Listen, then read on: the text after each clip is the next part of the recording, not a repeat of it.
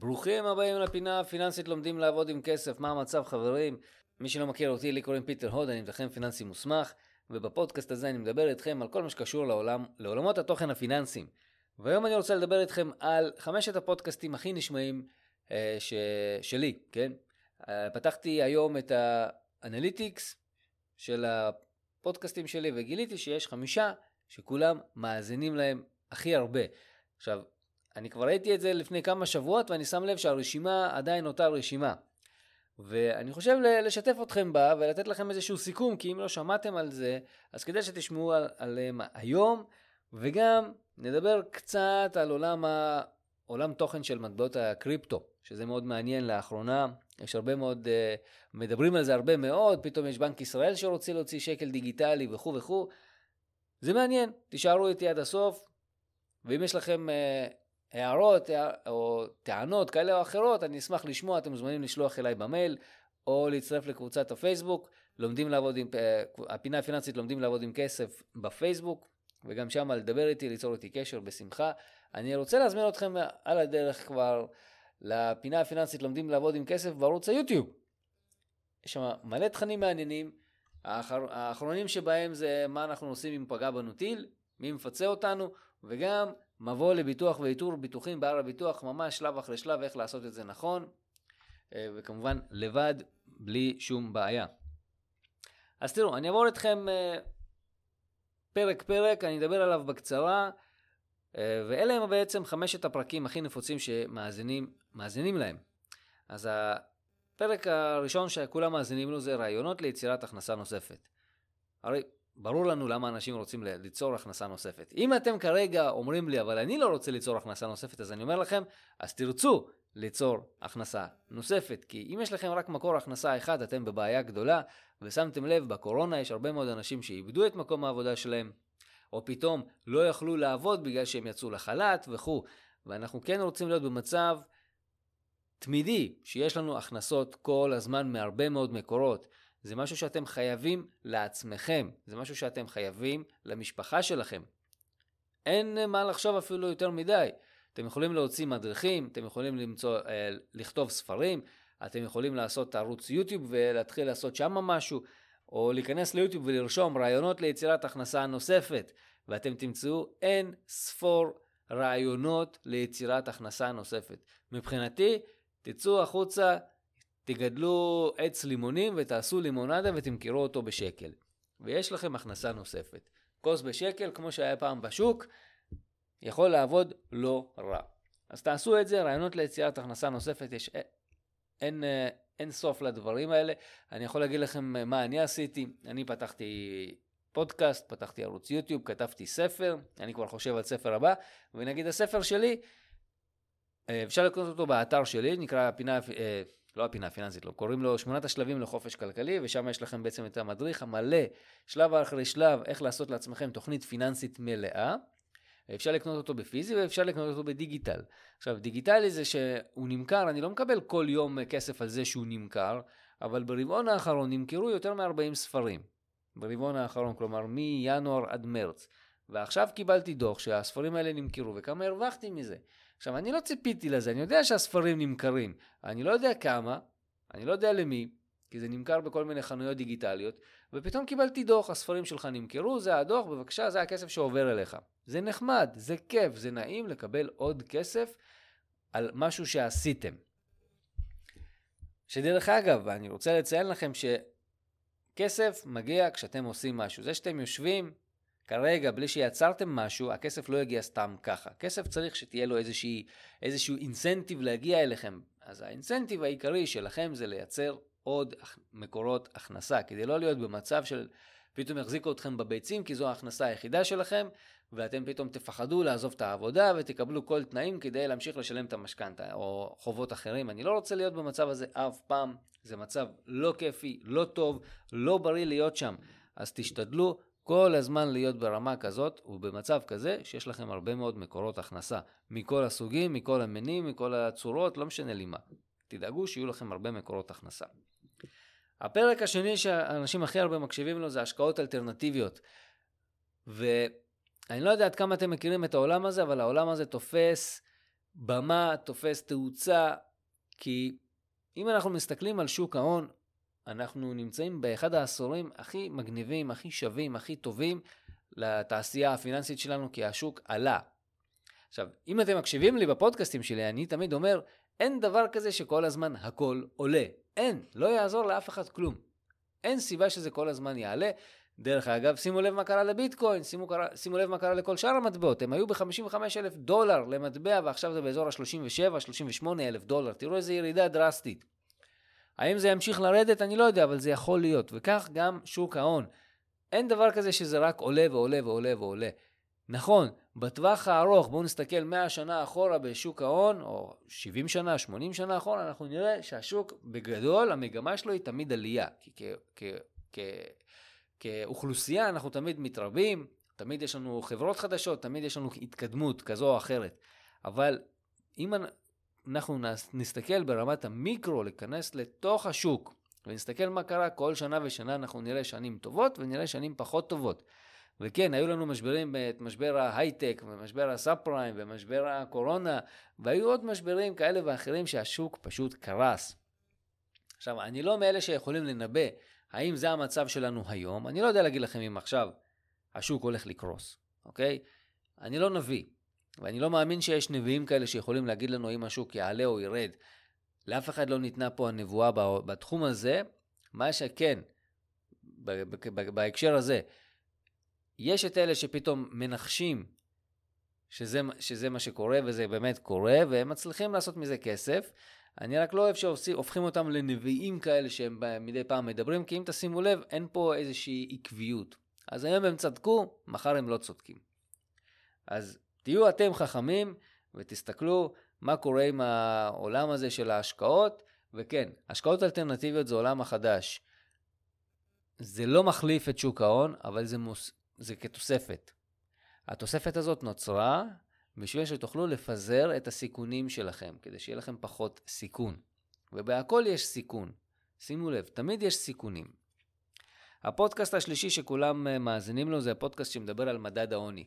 אה, זה אחד הפודקאסטים הראשונים שלי, לדעתי הוא היה פודקאסט מספר 6, פרק מספר 6, שדיברתי על מדד העוני, כי קראתי כתבה כזאת שדיברה על מדד העוני, שמראה על הקיטוב באוכלוסייה בין עשירים לעניים, וכמה מכניסים העניים, ומה צריך לעשות את זה, עם זה, כדי שהמצב שלהם לא יהיה כזה, ואני תמיד אומר את זה, ואני תמיד, אה, הדעה שלי תהיה בנושא, שלא צריך לתמוך באף אחד. כן צריך להבטיח את המינימום של המינימום, אבל לא יותר מזה. כי כל הסובסידיות וכל התוספות וכל הבונוסים שהמדינה נותנת או מנסה לחלק את העושר של כולם לכולם, זה פשוט לא יעבוד. יש פה אחריות שלנו כלפי עצמנו להצליח. אם אנחנו נתחיל את החיים שלנו בידיעה שלא משנה מה נעשה או לא נעשה, תמיד יהיה לנו כסף, אנחנו לא נתאמץ. אנחנו לא נשתדל. אנחנו לא ננסה להגיע לאנשהו. אוקיי? לא ננסה להגיע, לעשות עם עצמנו משהו. תחשבו על זה. אם עכשיו הייתם נולדים והמצב של כולם היה שוויוני לחלוטין, האם הייתה לנו איזושהי קדמה טכנולוגית? לדעתי לא. כי אם לכולם טוב באותה המידה ולכולם יש את אותו הדבר ואתה יכול לבזבז ולא לא משנה מה אתה עושה, תמיד הכסף נשאר אצלך, אז זה פשוט מאבד מהערך שלו. אתם פשוט לא תצליחו להסתדר או להרוויח בחיים שלכם שום דבר ואנחנו גם לא נתקדם עם זה. אז למה אנחנו צריכים את כל השטויות האלה של ה... בוא נבטיח שכר מינימום גבוה, בוא ניתן, בוא נחלק את העושר של כולם בין כולם, הרי אתם יודעים, מי שלא יודע להתנהל עם כסף, לא משנה מה תעשו, הוא לא יצליח להתנהל עם כסף.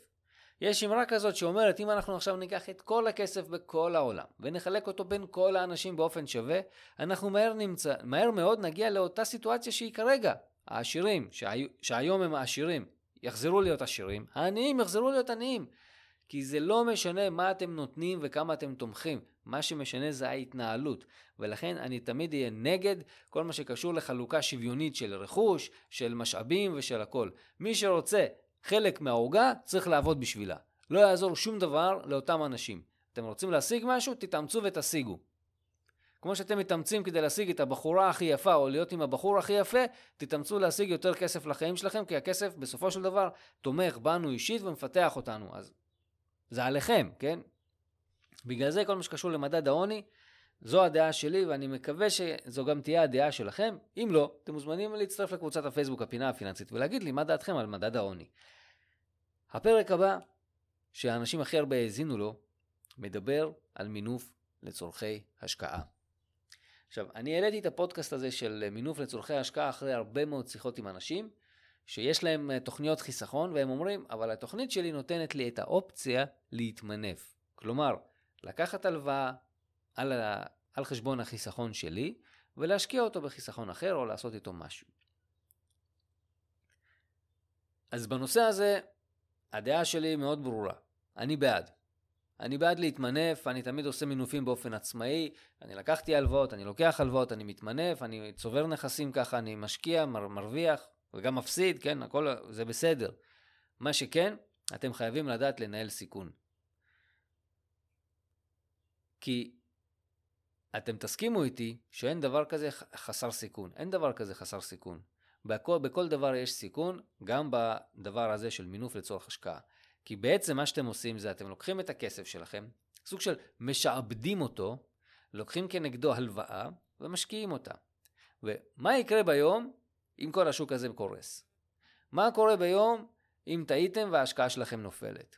מה קורה באותו יום שהכל נפל ודווקא שמה אתם צריכים את הכסף? הרי רוב האנשים מה הם אומרים לי? אני אשקיע, ואם יקרה משהו הכל בסדר, אני לא חייב את הכסף. אבל אתם לא יודעים להגיד את זה במאה אחוז. אתם יכולים לחתום לי שכשזה יקרה, אתם לא תצטרכו את הכסף? מה, נהייתם לי נביאים? אתם יודעים מה יהיה המצב הבריאותי שלכם, הנפשי שלכם, החברתי שלכם, הפיננסי שלכם, התעסוקתי שלכם? אין לכם מושג. אז למה אתם מבלבלים את המוח? סתם, אני לא יורד אליכם, כן? אבל תבינו את החשיבה שלי. אנחנו חייבים לנהל סיכונים. כי ברגע שהשוק קורס, גם ההשקעה שלכם קורסת, וגם ההלוואה שלכם, הכסף שלקחתם את ההלוואה כנגדו, גם יורד, ואז חברת הביטוח או, או אותו גוף שנותן לכם את ההלוואה, יכול להגיד לכם, תביאו לי את הכסף בחזרה, יותר מדי מסוכן בשבילי כחברה מנהלת. אז אתם חייבים לקחת הכל בפרופורציות ולנהל את הסיכון שלכם, וכן, להתמנף, אין עם זה בעיה, אבל לא על הכל. לא את כל הכסף, לא להתאבד על זה. אני מבין שאתם רוצים להרוויח כמה שיותר וכמה שיותר הרבה, וכמה שיותר מהר יותר נכון. אבל היי, אם אתם עושים טעות, אתם מאבדים הכל, מהר מאוד, והכל. אז בואו לא נעשה טעויות, בואו נהיה חכמים, בואו לא נסכן הכל, נסכן קצת, פחות. או לפחות פחות, כן? לא צריך לסכן קצת. תסכנו, אבל בפרופורציה. תראו מה עובד, תפזרו, לא לשים את כל הביצים בסל אחד, אני תמיד אומר את זה. לא לקחת, וגם, אתם יודעים, לא לרוקן את הסל האחד הזה. לא לסכן את כל הסל. תפזרו. הפרק האחרון, החמישי, שמככב אצלי בפודקאסטים, זה מה עדיף, לקנות דירה או לגור בשכירות. קודם כל בואו נדבר על זה. אנחנו שוכרים דירה ולא משכירים דירה, כי משכיר זה... אני, אם אני נותן למישהו את הדירה שלי לגור בה, אז אני משכיר לו את הדירה. סתם, זה עניין של עברית, כי זה מעצבן אותי, כי אני רואה כל הזמן אנשים שמתבלבלים בין שני הדברים האלה, אז אל תיקחו את זה אישית. שוכר זה אם אני עכשיו הולך לשכור את הדירה, משכיר זה מי שמשכיר לי את הדירה שאני הולך לשכור אותה. זה פשוט אה, עברית קטנה, זה מאוד מעצבן שזה קורה, אני בטוח שגם לי יש טעויות בעברית, אז אה, אם יש לכם איך לתקן אותי, בכיף, אני אשמח ללמוד ולהשתפר, אבל זה משהו שאני למדתי, ואני לא נולדתי פה בארץ, אז אני מנסה לשמור על עברית תקינה או תקנית ולהשתפר בשפה, כי זו השפה שלנו. אז מה עדיף חברים, לגור בשכירות או לקנות דירה ולגור בה? שאלה סופר מעניינת. כולם מדברים עליה. אין אחד שלא מדבר על זה. אין אימא שלא תגיד לילד שלה או לבת שלה, תקני דירה זה יותר טוב מלגור בשכירות. תקנו אותי אם אני טועה. ואני בטוח שאני לא טועה. אין אימא ואבא שלא חופרים לכם מהבוקר ועד הערב אם אתם גרים בשכירות. חבל לבזבז את הכסף על שכירות, עדיף תקנה דירה. שהכסף שלך ילך לשם. איזה חרטוטים, הם עשו בדיקה? לא עשו שום דבר, סתם, סתם זורקים סיסמאות לאוויר. כי טכנית, מבחינה פיננסית, תמיד יותר טוב לגור בשכירות. מבחינה פיננסית טהורה, מבחינת הרוגע הנפשי שלכם זה משהו אחר. אבל מבחינה פיננסית טהורה, תמיד יותר שווה לגור בשכירות. למה? כי ההון העצמי שלכם, שלא השטחתם אותו כדי לקנות את הבית שלכם, יכול להמשיך לעבוד. ואתם יכולים להשקיע אותו ולהתמנף איתו. ולהגיע לפנסיה, במקום עם דירה אחת שמסכנה, שבקושי סגרתם את התשלומים עליה, להגיע לשם עם כל כך הרבה מזומן שאתם יכולים לקנות ארבע דירות במזומן במכה אחת. אז יש יתרונות מאוד גדולים בלגור בשכירות. ואני מבין את החבר'ה ששואלים את השאלה הזאת, מה כדאי? דרך אגב, כמו שיש לי את הפודקאסט הזה של איפה, מה עדיף, לגור בשכירות או לקנות בית, יש לי אותו גם בערוץ היוטיוב, את הסרטון, שאני מראה את הקובץ אקסל. עכשיו, יש לי שם טעות בקובץ אקסל. אחרי שעליתי על הטעות, יותר נכון, הפנו את תשומת ליבי שיש לי שם טעות חישובית, וזה נכון, יש לי שם טעות חישובית. אחרי שתיקנתי את זה, עדיין, לגור בשכירות עדיין יותר שווה. עכשיו, נכון, אנחנו יכולים לשחק שם בנתונים ומאפייני שוק, ותלוי כמה זמן, כמה פעמים אתם עוברים, ותלוי בעלויות ביטוח, ותלוי בהרבה מאוד אה, מצבים. אבל טכנית, מבחינה פיננסית, יותר טוב לגור בשכירות ולא לקנות בית. מבחינה פיננסית. אבל בשביל השקט הנפשי שלכם, בשביל השקט הנפשי של האימא והאבא, אם יש לכם כסף לקנות בית ולא להתמנף יותר מדי, זאת אומרת לקחת משכנתה שלא תחנוק לכם את החיים, אין לי בעיה, תקנו בית. אבל אם אתם לוקחים משכנתה ומגרדים, ואני אומר את זה בכוונה מגרדים, כי הרבה מאוד אנשים מגרדים כדי להגיע להון העצמי, ואז הם מגרדים מהמשכורת שלכם את ה... שלהם את ההחזר החודשי, חברים, אתם בבעיה, אנחנו לא רוצים להיות שם. אני לא אוהב להיות במצב שאני חי בחוסר ודאות פיננסית, זה משגע אותי אישית, ואני מאמין שזה פשוט עושה הרבה שיער לבן לכל האנשים.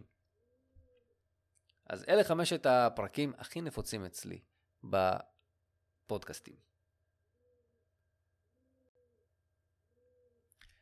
בואו נעבור ונדבר רגע קצת על עולם המטבעות הקריפטו, שזה מעניין. עולם הקריפטו הוא אחד העולמות הכי מעניינים, כי בסך הכל אין מאחוריו שום דבר. תחשבו על זה, זה לא שיש איזושהי חברה עם איזשהו מוצר. יש פה איזשהו מטבע, שהרוב אומרים שיש פה איזשהו אוויר מאחוריו, הוא צורך הרבה אנרגיה. אני חושב שיש פה משהו יותר מזה, יש פה משהו מעניין, כי בסופו של דבר, אתם תשימו לב שהרבה מאוד מדינות בעולם כבר עובדות על המטבעות הדיגיטליים שלהן, וגם פה בישראל. המדינה אמרה את זה בפומבי, היו כמה כתבות, אני שמתי חלק מהן בקבוצת הפייסבוק, שמנסים לפתח גם שקל דיגיטלי. עכשיו, יש פה הרבה מאוד דברים שאפשר לומר, ומה עומד מאחורי הרעיון הזה, אבל בבסיסו, אני מסתכל על עולם המטבעות הדיגיטליים כעולם שווה ומעניין.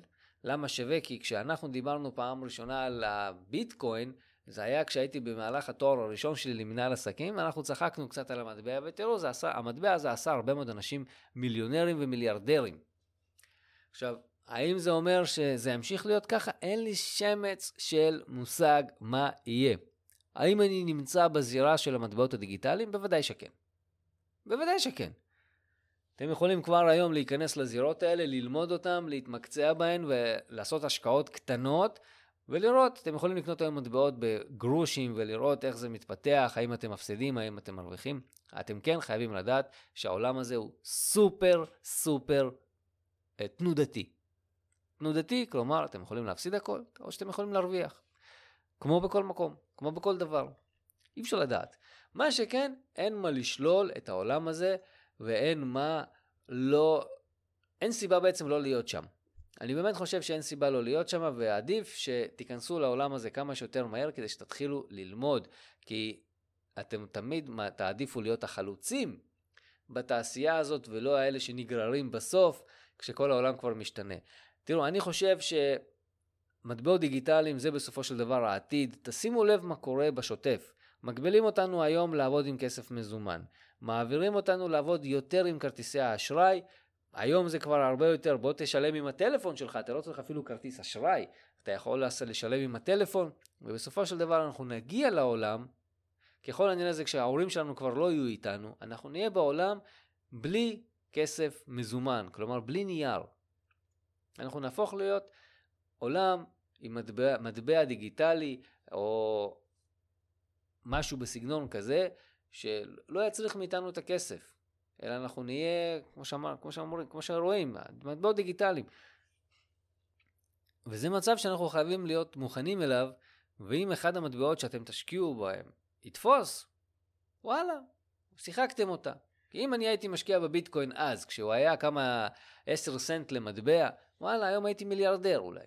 אולי לא הייתם שומעים אותי בפודקאסטים, אולי הייתם שומעים, רואים אותי בטלוויזיה, חוגג. אני לא יודע מה יכול להיות, אבל אני אומר, למה לא? כי העולם הולך לשם.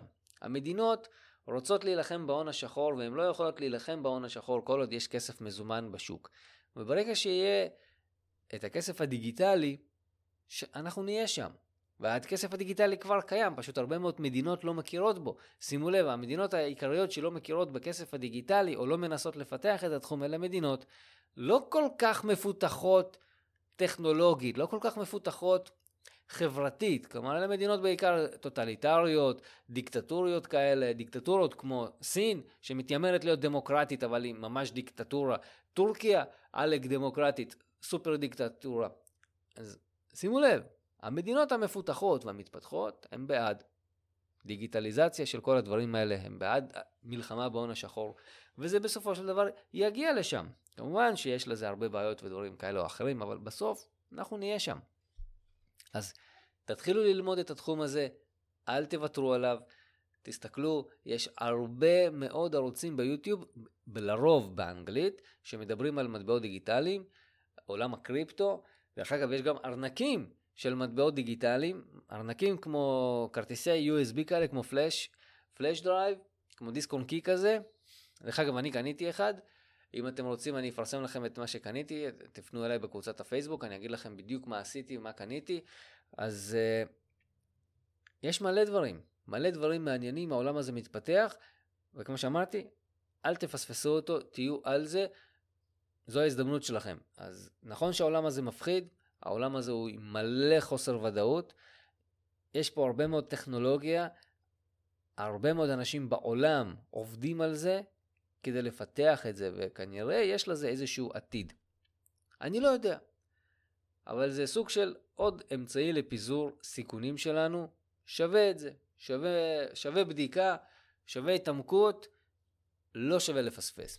מש... אבל כן, להיות מאוד מאוד זהירים, לא לשים את כל הכסף על זה, כי השוק הזה מאוד מאוד תנודתי. אני יכול להגיד לכם, אני קניתי כמה מטבעות, יש לי ארבע מטבעות בתיק שלי, והתנודתיות שם היא מטורפת, חברים, זה הזיה, אתם מסתכלים על זה, זה עולה 50 אחוז, יורד 50 אחוז, פיס, איזה סרט, אתם לא מבינים.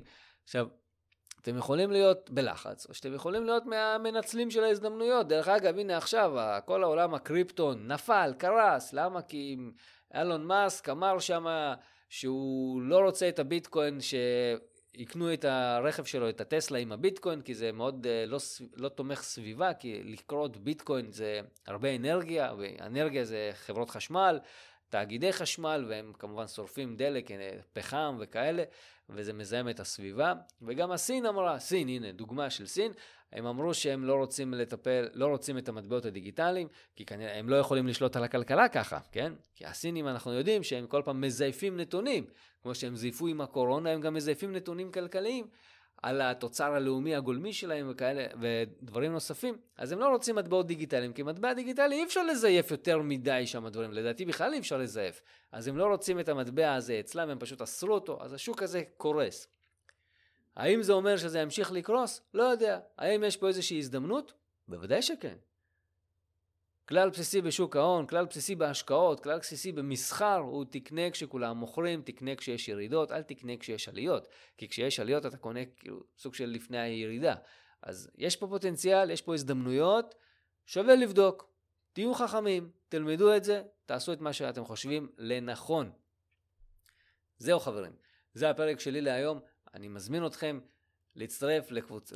בעיקר לערוץ היוטיוב, אני מאוד מנסה לפתח את ערוץ היוטיוב, יש לי עכשיו בדיוק 100 אנשים שנרשמו לערוץ היוטיוב עד היום, אני עובד עליו כבר שלושה חודשים לדעתי, ואני אשמח אם גם אתם תצטרפו לערוץ היוטיוב, זה יעזור לי מאוד לקדם לאלגור... לאלגוריתם של יוטיוב, שיעזור להפיץ את הסרטונים שלי לכמה שיותר אנשים. אני מקווה שהסרטונים שלי מעניינים, אחרת אנשים לא היו נרשמים ולא היו מאזינים, ואני, ואני מגיע, הגעתי כבר לאלפי האזנות, ב, לעשרות אלפי האזנות בפודקאסט, ו...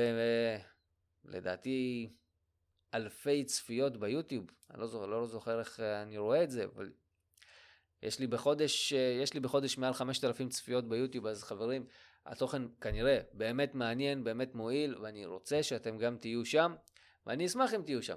אז חברים, שיהיה לכם אחלה שבוע, אנחנו בסוף שבוע, אז שיהיה אחלה סוף שבוע,